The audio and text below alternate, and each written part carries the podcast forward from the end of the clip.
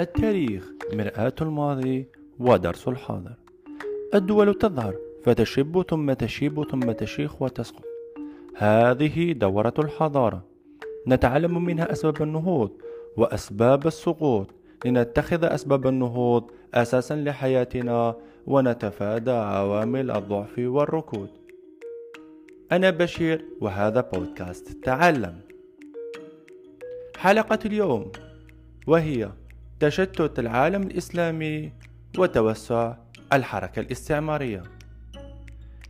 نبدأ من حيث انتهينا في الحلقة السابقة فمنذ أن أصبحت الدولة العثمانية تعرف بالرجل المريض والغرب يسيطر على مقدرات الدول الإسلامية خاصة في إفريقيا وآسيا. لما فيها من ثروات هائلة تسهم في تطور الحركة الأوروبية الصناعية.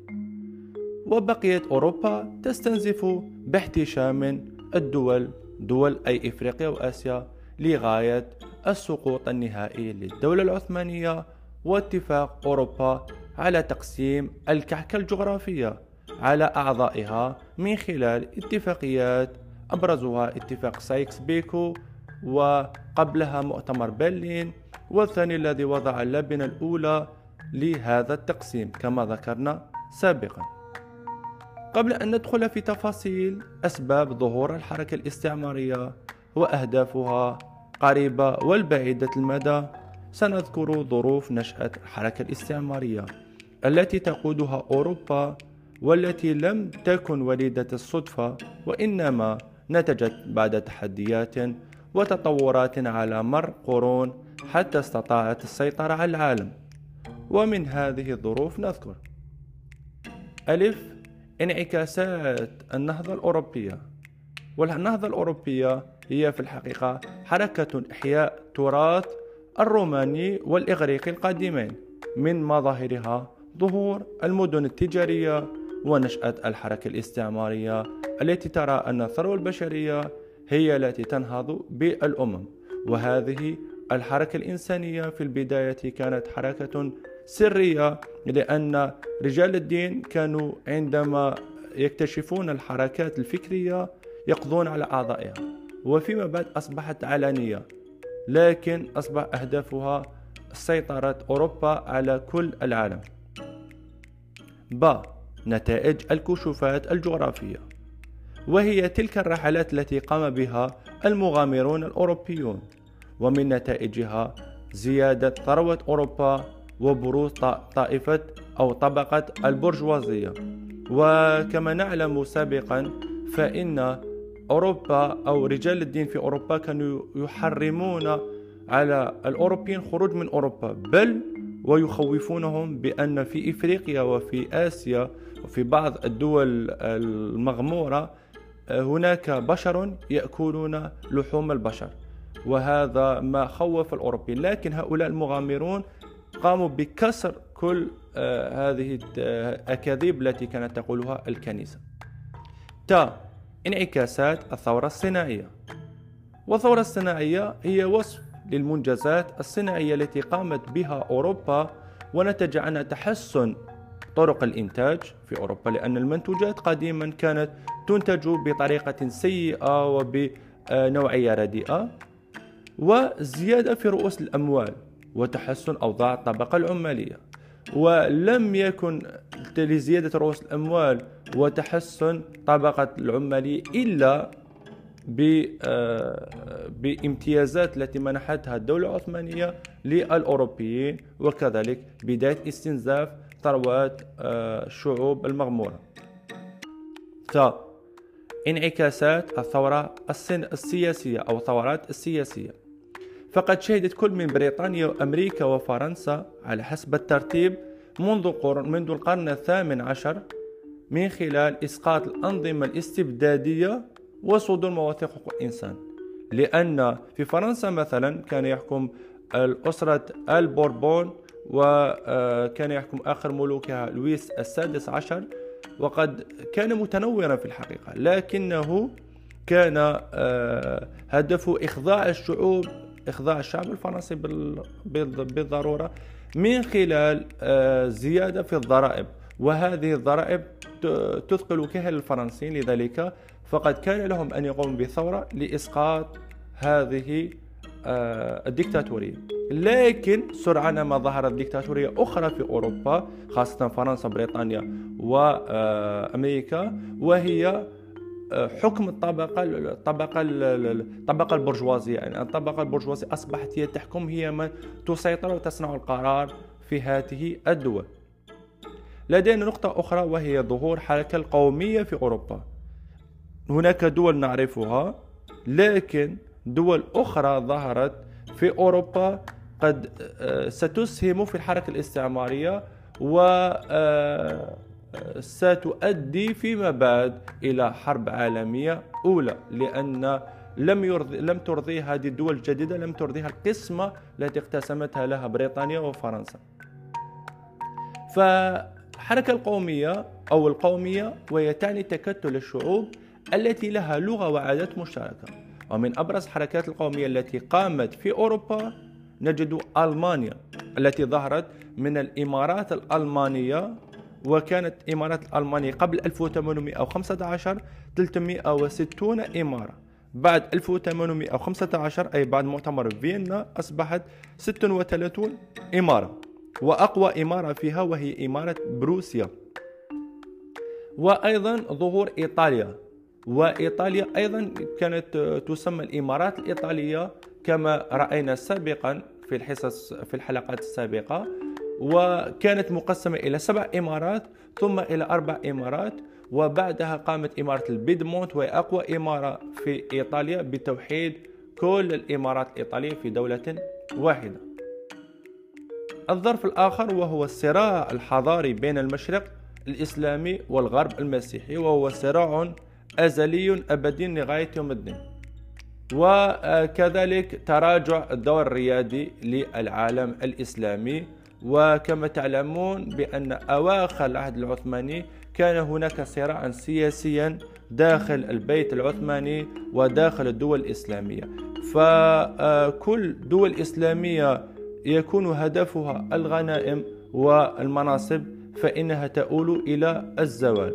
لأن آه، من نواميس الكون بأن آه، أسباب النهوض ثابتة وأسباب الركود ثابتة. أسباب النهوض بالعلم والتطور والإخلاص وتوحيد الجهود أما أسباب التخلف وهي وهي العبث والضحك كثيرا والاهتمام بجزيئات الأمور وعدم اهتمام بالعلم وبالضرورة سيكون هناك الجهل.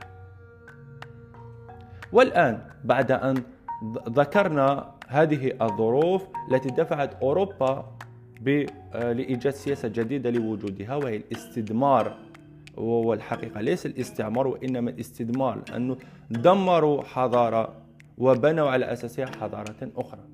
وقهر الشعوب المسلمة. سنبين الآن الأسباب التي جعلت أوروبا تقوم بهذا الاستعمار وسنجملها في أربعة عوامل وأهمها أبرزها العامل الاقتصادي. والمتمثل في البحث عن موارد المواد الأولية لأن أوروبا كما قلنا آه، بدأت حركتها الصناعية. لذلك فكانت تبحث عن المواد الأولية والأسواق الخارجية. فالمواد الأولية والأسواق الخارجية السببين مهمين أو عاملين مهمين في هذه الحركة الاستعمارية. ولهذا لحاجتها آه، المتزايدة لرؤوس الأموال. وكما ذكرنا سابقا فإن أوروبا معذرة فإن إفريقيا وآسيا من أغنى الأراضي بالذهب والفضة والحديد والأحجار الكريمة والمواد الطاقوية التي أسلت لعاب أوروبا. أما العامل الآخر فيرتكز على الجانب البشري إذ كانت أوروبا تعج بالسكان وعدم تمكن الحكومات من تلبية متطلبات المواطنين. دفع دول أوروبا للبحث عن مناطق خارج أوروبا يعيش فيها فائض السكان أو فائض سكانها. وأيضا التخلص من القادة العسكريون الذين يثيرون انقلابات داخل أوروبا. وهناك عامل حساس وهو الجانب الاستراتيجي أي الجانب السياسي والعسكري. فأوروبا تريد السيطرة على الممرات المائية أي البحرية والنهرية كلاهما. وبذلك تنتزع السيطرة من المسلمين وتصبح العين الحارسة على مصالحها وعلى قهر شعوب إفريقيا وآسيا. والعامل الرابع وهو العامل الأكثر أهمية والجانب الحضاري والذي يتمثل في نشر أوروبا لرسالتها المزعومة رسالة الرجل الأبيض الذي على أساسها ستصنفنا أوروبا والغرب بشكل عام. أن أوروبا وأمريكا هم الذين يمثلون الغرب. على أننا متخلفون وبذلك ستعمل أسلوبا لم نكن نهتم به وهو الحرب النفسية. وجعلنا نصدق ونروج لفكرة أننا متخلفون لا نصلح للحكم ولا للصناعة وإنما نستهلك ونشتري من أوروبا المتحضرة حسب زعمهم. كما نشرت في سنة 2011 إلى غاية 2015 في في موقع إلكتروني آه، لقناة فوكس نيوز الأمريكية خارطة تقسم دول العالم. فنجد دول تستنزف منها مواد الأولية مثل المشرق ودول أيضا تكون آه، مصدر للسوق سوقا أوروبية مفتوحة وهي إفريقيا إفريقيا. وبعد أن بينا الأسباب التي دفعت أوروبا لاحتلال دول إفريقيا وآسيا سنذكر الآن أهداف التي لا زالت موجودة لحد الآن. أهداف بدأت في الحركة الاستعمارية لكن استمرت وطبقتها في وقتنا الحالي. أهم شيء اقتصاديا استنزاف موارد طبيعية كما رأينا فرنسا تستنزف موارد طبيعية من إفريقيا مثل الذهب والفضة وكذلك البترول. وخير دليل مثلا نذكر في آه، في رياضة كرة القدم فالممول أبرز ممول آه، لكأس أمم إفريقيا والكأس رابطة أبطال إفريقيا فهي شركة توتال. ونعرف أن شركة توتال شركة احتكارية استنزافية تنهب ثروات شعوب الإفريقية وتحرض الساسة الأوروبيين على احتلال مناطق في إفريقيا. نجد أيضا استثمار رؤوس الأموال وهذا موجود في وقتنا الحالي. فمثلا شركة ماكدونالد و MTN للاتصالات وشركة أورانج الفرنسية للاتصالات وغيرها يستنزفون أو يستثمرون رؤوس أموالهم في إفريقيا. لكن ليس على أساس رفاهية الشعوب الإفريقية وإنما على رفاهية الشعوب الأوروبية.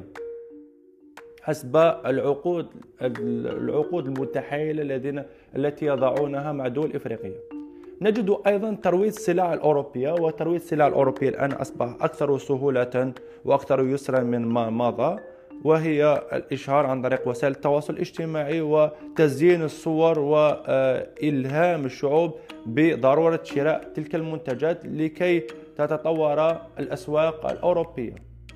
نجد أيضا من الأهداف المستقبلية وبعيدة المدى استراتيجيا وعسكريا وهي تأمين أبرز شيء وهو تأمين طرق المواصلات. تأمين طرق المواصلات عن طريق إما البارجات البحرية مثل أمريكا لها بارجات بحرية في إفريقيا وفي كل البحار العالم وكل محيطات وكذلك قواعد العسكرية. فمثلا آه، أمريكا لها أكبر قاعدة عسكرية في الخليج العربي الفارسي وهي قاعدة قطر وهي بفضلها ستؤمن آه، ستؤمن مركز آه، مراكزها التجارية وكذلك تؤمن مرور السلع دون أن تتعرض لأخطار الدول المحلية.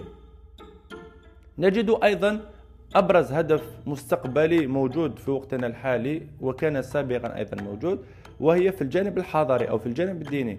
لدينا نشر الفكر الاستعلائي لدى الرجل الأبيض. يعني فكر نشر فكرة الرجل الأبيض الزائفة التي التي تقول بأن الرجل الأبيض أو الرجل الأوروبي الأبيض هو الذي له العلم هو الذي يستطيع أن يصنع هو الذي يستطيع أن يحكم ويعرف يحكم يعرف الحكم ويعرف غير غيرها من الأمور.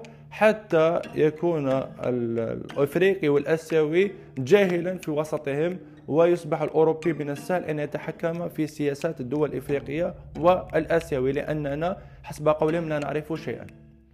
أيضا وأبرز شيء محاربة اللغات والثقافات المحلية وتمكين لغاتها أي لغات المستعمر وثقافاتها. ثقافات المستعمر لدى شعوب المستعمرات مثل نشر الثقافة الأمريكية في الأكل الثقافة الأمريكية في الرقص الثقافة الفرنسية مثلا في الأكل أيضا. الثقافة الأوروبية في الموسيقى وغيرها ومحاربة اللغة المحلية لأنه آه، كما تعلمون بأن اللغة هي سبب في تماسك الشعوب. أننا نحن مسلمون ولنا اللغة العربية التي نتواصل بها كما يقول ملك بن نبي من ترجع إلى جاكرتا ونتفاهم فيما بيننا فهم يريدون أن يقسموننا إلى مجموعات متناحرة كل له لغته ولا يمكننا أن نفهم بعضنا البعض.